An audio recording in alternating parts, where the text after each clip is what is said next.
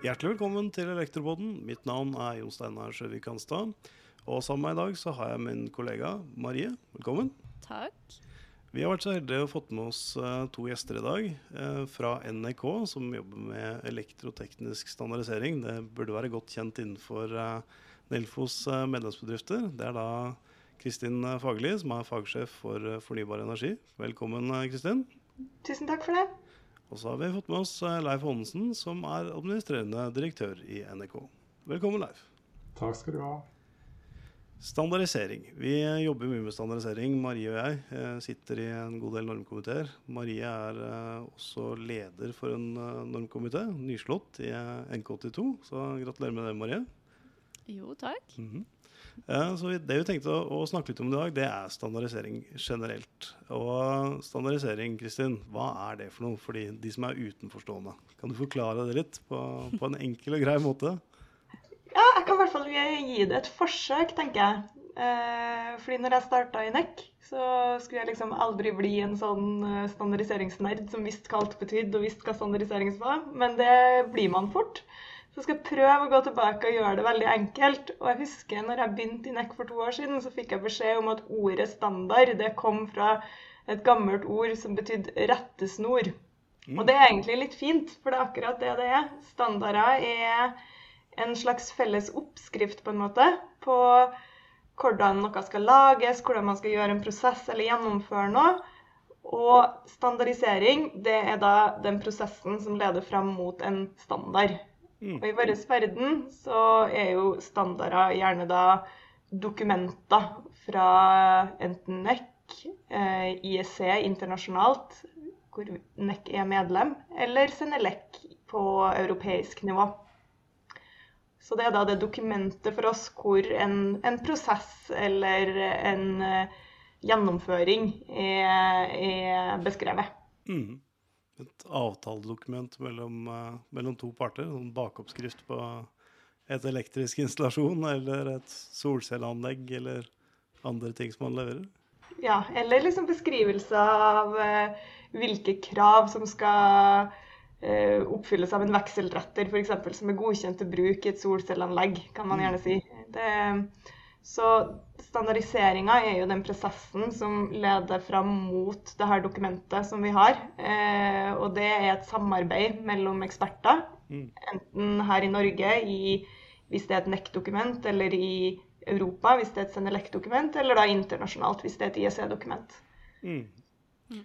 Ja, hvis vi lager en elektrisk installasjon, så plukker vi jo elektriske produkter. altså Selve installasjonen er jo selvfølgelig basert på en standard, normalt sett, eh, som regelverket peker på, såkalt reference to standard-prinsippet. altså Fellen peker på, på NRK 400. Men like viktig er jo, som du sier, da, denne standarden for solcelleomformere. Så hvis man lager et elektrisk anlegg etter 712, apropos standardiseringsnerd, det er jo eh, det er da delkapitlet for, eh, for solcelleinstallasjoner, så peker jo den direkte på den produktstandarden som du nevner her, eh, Kristin. Og som fagperson og elektroinstallatør så trenger du å vite at den varen du kjøper, har en viss beskaffenhet. Fordi sikkerhetstiltakene i den er jo kjempeviktige for å klare å oppfylle det som står i NRK 400, og igjen oppfylle myndighetenes regelverk. Så det er jo Absolutt. lange linjer her når man liksom kommer ut til den ytterste skruende, skruende installasjonen. Ja, mm. og formålet er jo som du nevner sikkerhet, men også forutsigbarhet og markedsadgang, som er veldig viktige prinsipper for det vi gjør. Som, eh, som skal gjøre det mulig for alle installatører eller leverandører å komme inn på et marked mm. og ha en forutsigbarhet i, i arbeidshverdagen og jobben de man gjør. Mm. Ja, et veldig godt poeng. Det finnes nok ikke så veldig mange produsenter av invertere på det norske markedet, markedet foreløpig. Greit, greit å få kjøpt litt. jeg syns det var en veldig fin forklaring av hva standardisering er. For jeg har fått mm. det spørsmålet en del ganger av uh, såkalt utenforstående. Og da begynner jeg alltid sånn herre du har sett en stikkontakt, ikke sant? den er alltid lik. Og så begynner jeg alltid liksom Jeg vet aldri helt hvor jeg skal begynne. Men det syns jeg var en fin um, en fin forklaring. Rettesnor. Og så får jeg også spørsmålet alltid Men stopper man noensinne å standardisere? Altså, Standardisering er prosessen som leder opp til et dokument, men så stopper du jo ikke å standardisere når da det dokumentet blir publisert. Så det er jo litt sånn finurlig for noen utenforstående da, at man standardiserer jo hele tiden. Et dokument kan alltid fornyes. Absolutt. Og det er jo også noe av det som er viktig her. At det, det vil jo alltid endre seg i vår verden. Den elektrobransjen er jo kontinuerlig endring. Så det å kunne kunne oppdatere de her dokumentene litt sånn løpende. For plutselig så, så skjer det en eller annen sånn her finurlig liten sak som gjør at man er nødt til å endre på ting. Eller best practice har endra seg, og derfor så er ikke det som står der fra før, lenger relevant, uh, egentlig. Så det er en sånn evig, evig oppdatering av de fleste standardene vi har. For å opprettholde, et, uh, opprettholde relevansen i innholdet, rett og slett. Så må du ikke bruke stikkontakt som eksempel, eh, Marie, på standardisering. Det er uh, et sånn derre mørkt hjørne av standardiseringen. At du må, må, må, må reise rundt med sekken full med overganger for, for å dra på ferie til Europa. Det, det, er dessverre et hjørne som ikke, ikke fullt ut er dekka uh, av, av, standardiseringen. Det er mye annet som er, uh, har fungert, uh, fungert, veldig bra. Akkurat der klarte man dessverre ikke å, å bli helt enig. Men uh, det leder over til spørsmålet der. Hvorfor er det viktig for elektrobransjen? Det er jo klart allment viktig å kunne, kunne plugge inn det man ønsker rundt forbi Europa. Men, men særskilt for elektrobransjen, som dere, dere jobber inn, inn, mot? Ja, eh, jeg vil spesielt trekke frem to ting. Det ene det går jo på at elektrobransjen kanskje er en av de mest gjennomregulerte bransjer vi har i det norske samfunnet. Mm. Altså det er regulering av kompetanse, krav, det er regulering av eh, hvordan man eh, bygger elektriske utstyr, hvordan man planlegger, og hvordan man utfører elektriske anlegg. Mm. Og det er veldig mye detaljer uh, ute og går der. Myndigheten har regulering på disse tingene her. Mm. Men for godt over 30 år siden så begynte de å forlate prinsippet med veldig detaljerte reguleringer. De lagde såkalte rammeforskrifter, eller målretta forskrifter, som vi kaller det. Og så brukte de henvisning til standarder. Det gjør man ikke bare i Norge, men også hvis du går nedover i Europa. Så danner jo standardene hele ryggraden i det indre markedet i Europa. Mm. Hvor du har eh, direktiver og forordninger som også viser til standarder. Mm. Og hvis du ser på internasjonale handelsavtaler, så, så reiser våre politikere og signerer handelsavtaler, men i neste øyeblikk så kommer standardiseringsfolkene inn og sier at uh, dette er måten å gjøre det på. Mm. Og politikerne også anerkjenner det gjennom handelsavtalen at det er standard som skal danne grunnlag. Hvis vi da løper tilbake til Norge, så ser vi jo at uh, eh, f.eks. For forskrift om elektriske lavspenningsanlegg uh, er jo en typisk rammeforskrift. Viser til NEC 400 som metode. Det er ikke obligatorisk, du må ikke gjøre det sånn. Men eh, de sier at gjør du det sånn, så ligger du innenfor de forventninger som vi har. Mm. Så selv om ikke de fastsetter detaljer i uh, regelverket, så er de jo veldig uh, på detaljer når de er på tilsyn. Mm. Og hvis man da er i elektrobransjen, så lurer man kanskje på hvordan skal man rent praktisk gjøre det. Da vil standarden være det man, man, legger til grunn. Det gjelder både i forhold til hvordan man bygger et elektrisk utstyr, altså utstyrsprodusenter, hvor det er forskrift om elektrisk utstyr som regulerer. Eller det er forskrift om elektriske lavspenningsanlegg når vi er på lavspenningsinstallasjoner. Eller forskrift om forsyningsanlegg, maritime installasjoner osv. Så, så er det samme prinsipp som anvendes. Så, sånn sett så påvirker det da rammevilkårene for uh, installasjonsbransjen, og det er derfor viktig at de, de er med. Uh, og så vil jeg trekke frem et annet aspekt, og det er jo der myndigheten ikke regulerer så er det likevel også rasjonelt og effektivt for elektrobransjen å være med. Men da handler det mer om å finne felles oppskrifter på områder hvor det trengs en koordinering. Og F.eks. 399 er jo et prima eksempel på det. Det er en koordineringsstandard eh, mellom netteier, ekom-netteier, installatør og bygningseier. Eh, altså, man kunne gått opp samme løypa selv hver gang i hvert prosjekt Eh, men istedenfor så er det rasjonelt for alle parter at man enes om en felles standard. Alle vet hva som møter de, eh, og det skaper en forutsigbarhet som som er veldig god, og som også sparer alle parter for mye penger, fordi man slipper den koordineringen fra gang til gang. Så det er de to, to, to jeg spesielt vil trekke frem. i hvert fall. Litt artig at du nevner 399, Leif, for det er en sånn standard som egentlig dekker veldig mange områder. Det er en prosess, som Kristin var inne på. Altså en, eh, en, en, prosess på hvem som gjør hva, og hvordan.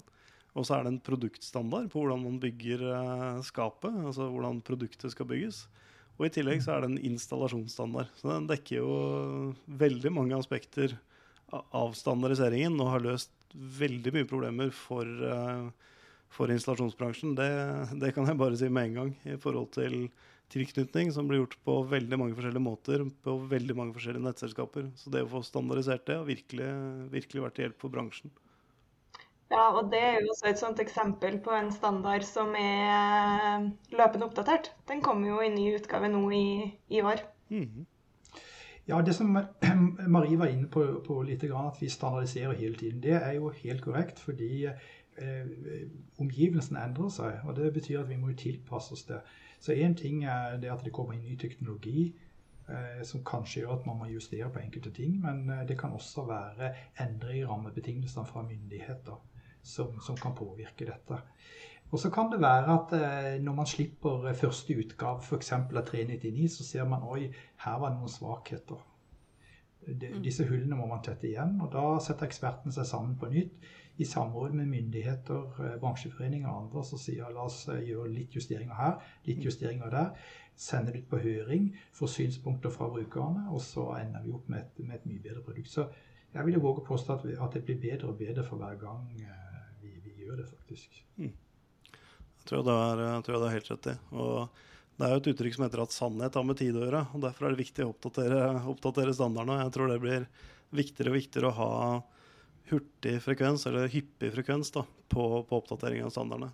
Frekvensen på, på, oppdatering av NEC 400 det er jo hvert, hvert, fjerde år. og Spørsmålet er om det er hurtig nok i forhold til teknologisk utvikling. Fordi standardisering er jo viktig for å bli enig om som en prosess eller vare, en installasjon.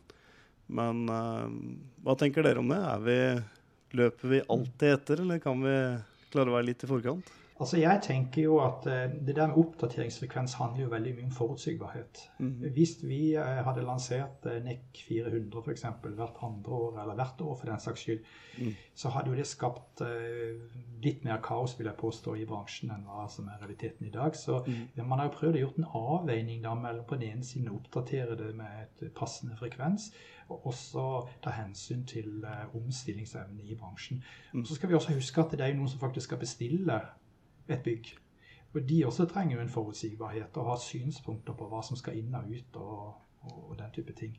Det er et glimrende poeng. fordi det skjer mye, men det er som du sier da, hvis man skal snu seg rundt for hver, hver minste ting som, som, skjer, så blir det ikke lett å, å få bygd byggene ferdig eller klare å holde seg oppdatert uh, på standardene. Det er jo en utfordring nok for, uh, for bransjen å følge med på alle de standardene som finnes, finnes i dag. Jeg har vært så heldig å jobbe noen år med standardisering. og um, Din forgjenger eh, Birger Hestnes han holdt en tale på et NK64 julebord en gang. Leif. Og Da sa han det at uh, når jeg ser utover her, så tenker jeg på myrull.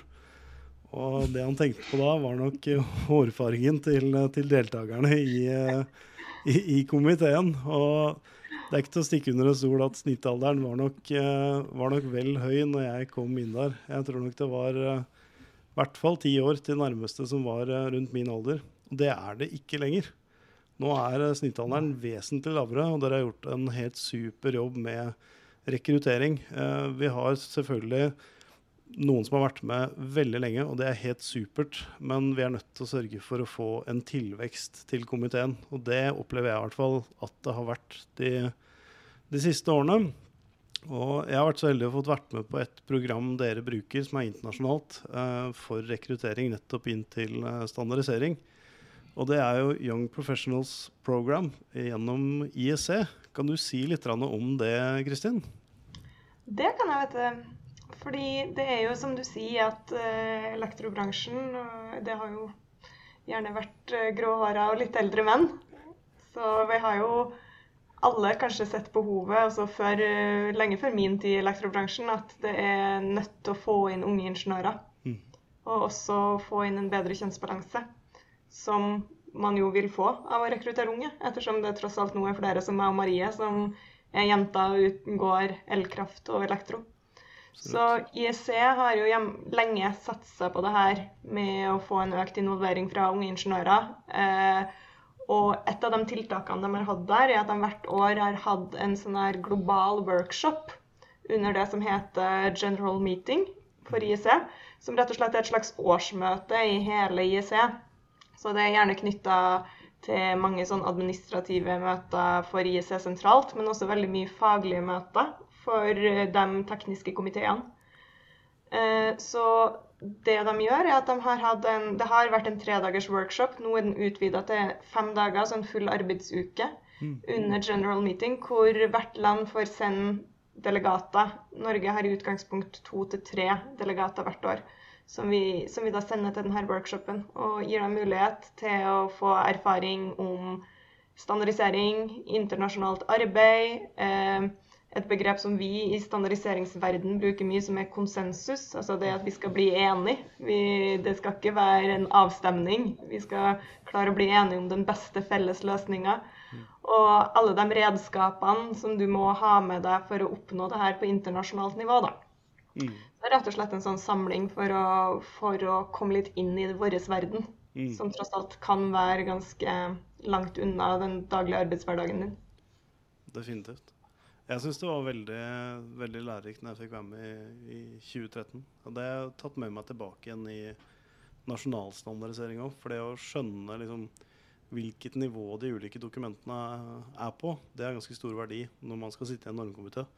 For det dukker opp veldig mange dokumenter, og da er vi inne på sånne eh, sære, sære begreper innenfor standardiseringen. Men det å forstå standardiseringsprosessen. Da, og forstå når du har muligheten til å påvirke, og i hvilken grad du har muligheten til å påvirke, det, det har hatt stor verdi for, eh, for egen del. I hvert fall. Ja, og det er jo mye av de samme tilbakemeldingene vi har fått fra andre som har deltatt i programmet. Og det har jo gjort at vi har sett behovet for å få det her ut til flere. Eh, som gjør at vi, vi prøver jo også satsinga nå nasjonalt og nordisk. Eh, så nasjonalt så ønsker vi å ha et program som heter Ungt lederskap. Mm. Det skulle egentlig oppstarte i, i 2020, men naturlig nok så har ikke det vært mulig å gjennomføre. Fordi en av de viktigste grunnene til at folk er med i våre komiteer, har vi funnet ut gjennom undersøkelser. Det er selvfølgelig det å øke kompetansen din, men det er også å få kontakter som du kan bruke ellers i din arbeidshverdag, og bygge nettverk. Og det er jo særlig viktig når du er tidlig i karrieren. Så det vi har ønska å gjøre, er å lage et sånt program eh, her i Norge som gjør det mulig for, for unge i elektrobransjen å møtes i NEC sine lokaler. Fordi vi har en unik posisjon som en nøytral grunn, hvor folk kan møtes eh, for å utveksle fag eh, og erfaringer. Så det ønsker vi jo at flere skal, skal delta inn i. Så det håper vi at starter opp i løpet av høsten. Men i forkant av det så har vi også en workshop for unge i Norden som heter Nordic Young Professionals. Den går av stabelen 27.4, og det er en digital workshop som skal samle da unge under 35 som jobber i elektrobransjen, til å diskutere spørsmål knytta til standarder, FNs bærekraftmål. Rett og slett få en liten sånn intro til den verden her, da. Og det er unge fra Island, Danmark, Finland, Norge og Sverige. Så det tror jeg kan bli, kan bli veldig bra. Interessant det du nevner der med faglig nettverk, Kristian. For det er en av de tingene jeg virkelig setter pris på i, i NEK-regi. Det er det, det, faglige nettverket du får ved å sitte i en, i en standardiseringskomité. Nå hadde jeg sånn lite, lite sleivspark til eh, at vi hadde litt høy snittalder. Men det har jammen meg vært eh, ordentlig lærerikt å sitte sammen med de som har, eh, har, lang erfaring i bransjen. Så det har jeg satt veldig veldig stor pris på. Og det å se at vi da får en tilvekst av yngre medarbeidere, og ikke minst kvinner etter hvert Det er vel fortsatt relativt uh, tynt med jenter i, i NK64-sammenheng, så, så, der har vi, har vi litt å gå på. Men men, eh, men, det har vært, vært, veldig bra. Jeg ser at det kommer mer og mer i, eh, i flere og flere komiteer. Så det, det, er et veldig viktig arbeid dere gjør der også. Og så syns jeg det er også veldig verdifullt det å kunne samarbeide med andre deler av bransjen. Man blir jo ofte litt sånn man er veldig inne i sine egne problemstillinger. Vi i Nelfo som jobber for installatørene, vi ser jo på en måte alt fra installatørens ståsted hele tiden. Og da er det veldig nyttig å snakke med byggherrer og rådgivere og forskere. og produsenter av utstyr, og bare få, få, litt sånn perspektiv på ting. da. Det har jeg opplevd som veldig veldig nyttig. Mm. Ja, det er veldig eh, et veldig verdifullt miljø å være en del av. Eh, og det er jo jeg har tenkt mye på hvorfor det er så få unge som har vært med. Og jeg tror også at det her ekspertbegrepet kan virke litt, eh, litt skremmende for mange. For det er jo det vi omtaler medlemmene av våre komiteer som. Vi omtaler dem som eksperter, for det er faktisk det de er. De er kjempegode på sitt fagfelt, men det kan kanskje føles ut som man må ha vært i bransjen i 20 år for å oppnå den statusen. Også fordi at det er så mange av de her veldig erfarne folkene som sitter i komiteene våre. Mm. Men faktum er at vi, vi lager jo standarder for arbeidshverdagen til folk eh, veldig langt fram i tid potensielt. Så det er, det er et problem for, for, det der konsensuset som vi snakker om, hvis det er et konsensus bare blant en veldig liten del av bransjen, som også kanskje på sikt er på vei ut. Så det er lærerikt og veldig nyttig for alle om vi har en litt sånn bredere demografi i komiteen vår enn det som historisk har vært. da. Så er det jo viktig da å nevne at komiteen er jo åpen for alle. Så vi mm. håper jo at det er, det er, flere som blir med og finner sin komité og sitt nettverk og sin standard å bidra inn mot. Mm. Det var en liten kommentar der, fordi eh, den undersøkelsen du nevnte, Kristin, eh, som viste at uh, viktigste begrunnelsen var at folk var med, var punkt 1 kompetansebygging, to nettverk. Og faktisk først på tredjeplass så kom det å påvirke standardene. Ja. Så kunne man tenke at det skulle gjøre oss deprimerte, men eh, snarere tvert imot, vil jeg si. Vi, vi syns det er veldig artig at eh, Og det som også er spennende her, det er jo at eh, det var helt uavhengig av alder. Altså om man var 25 eller mm. 62, eh, så mm. svarte man nøyaktig det, det samme. Ja, ikke sant. Det er et, eh, et veldig godt poeng. Det er et veldig godt poeng. Så er spørsmålet, Leif. Hva skjer eh, fremover for eh, NRK? Jeg vet at dere har eh, mange jern i ilden og mye spennende som, skjer, som, er på gang. Jeg vil si alle, alle, snakker om at de sitter på den grønne grenen i dag, men eh, det tror jeg beskriver egentlig både Nelfo og NRK og, og egentlig hele elektrobransjen. fordi eh, hvis man ser på de eh, altså våre politiske foresatte, hvor, hvor, peker de vei hen i forhold til det å få til et grønt skifte, så er elektrifisering veldig ofte løsninga. Så vi ser et enormt vekst innenfor bransjen, innenfor sektoren. Og vi opplever at det er et voldsomt trøkk på flere og flere områder som tidligere egentlig ikke hadde så stor interesse nasjonalt. Mm. Og Vi ser det jo tydelig gjennom den veksten som vi har hatt i nettverket vårt. Nå utgjør NRKs nettverk ca. 1000 personer. Vi kaller de for eksperter alle sammen. Eh, tillater oss det.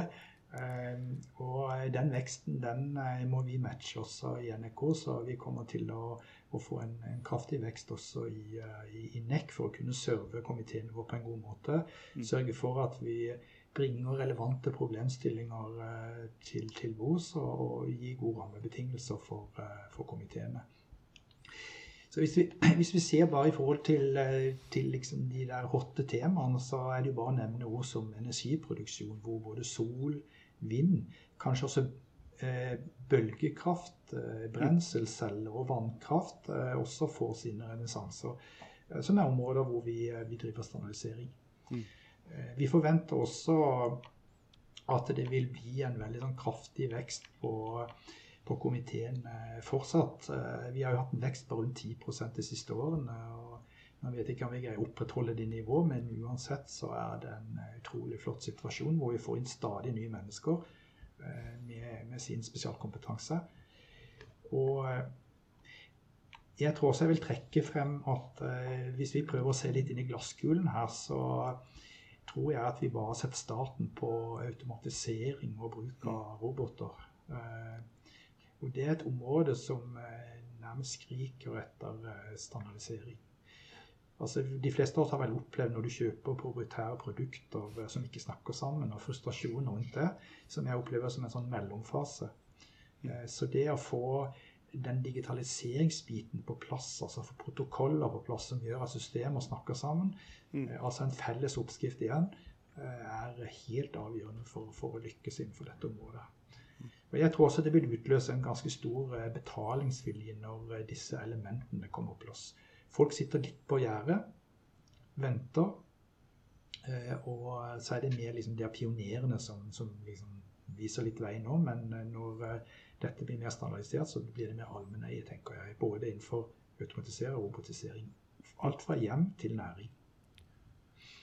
Jeg tror du har helt, helt rett i det, Leif.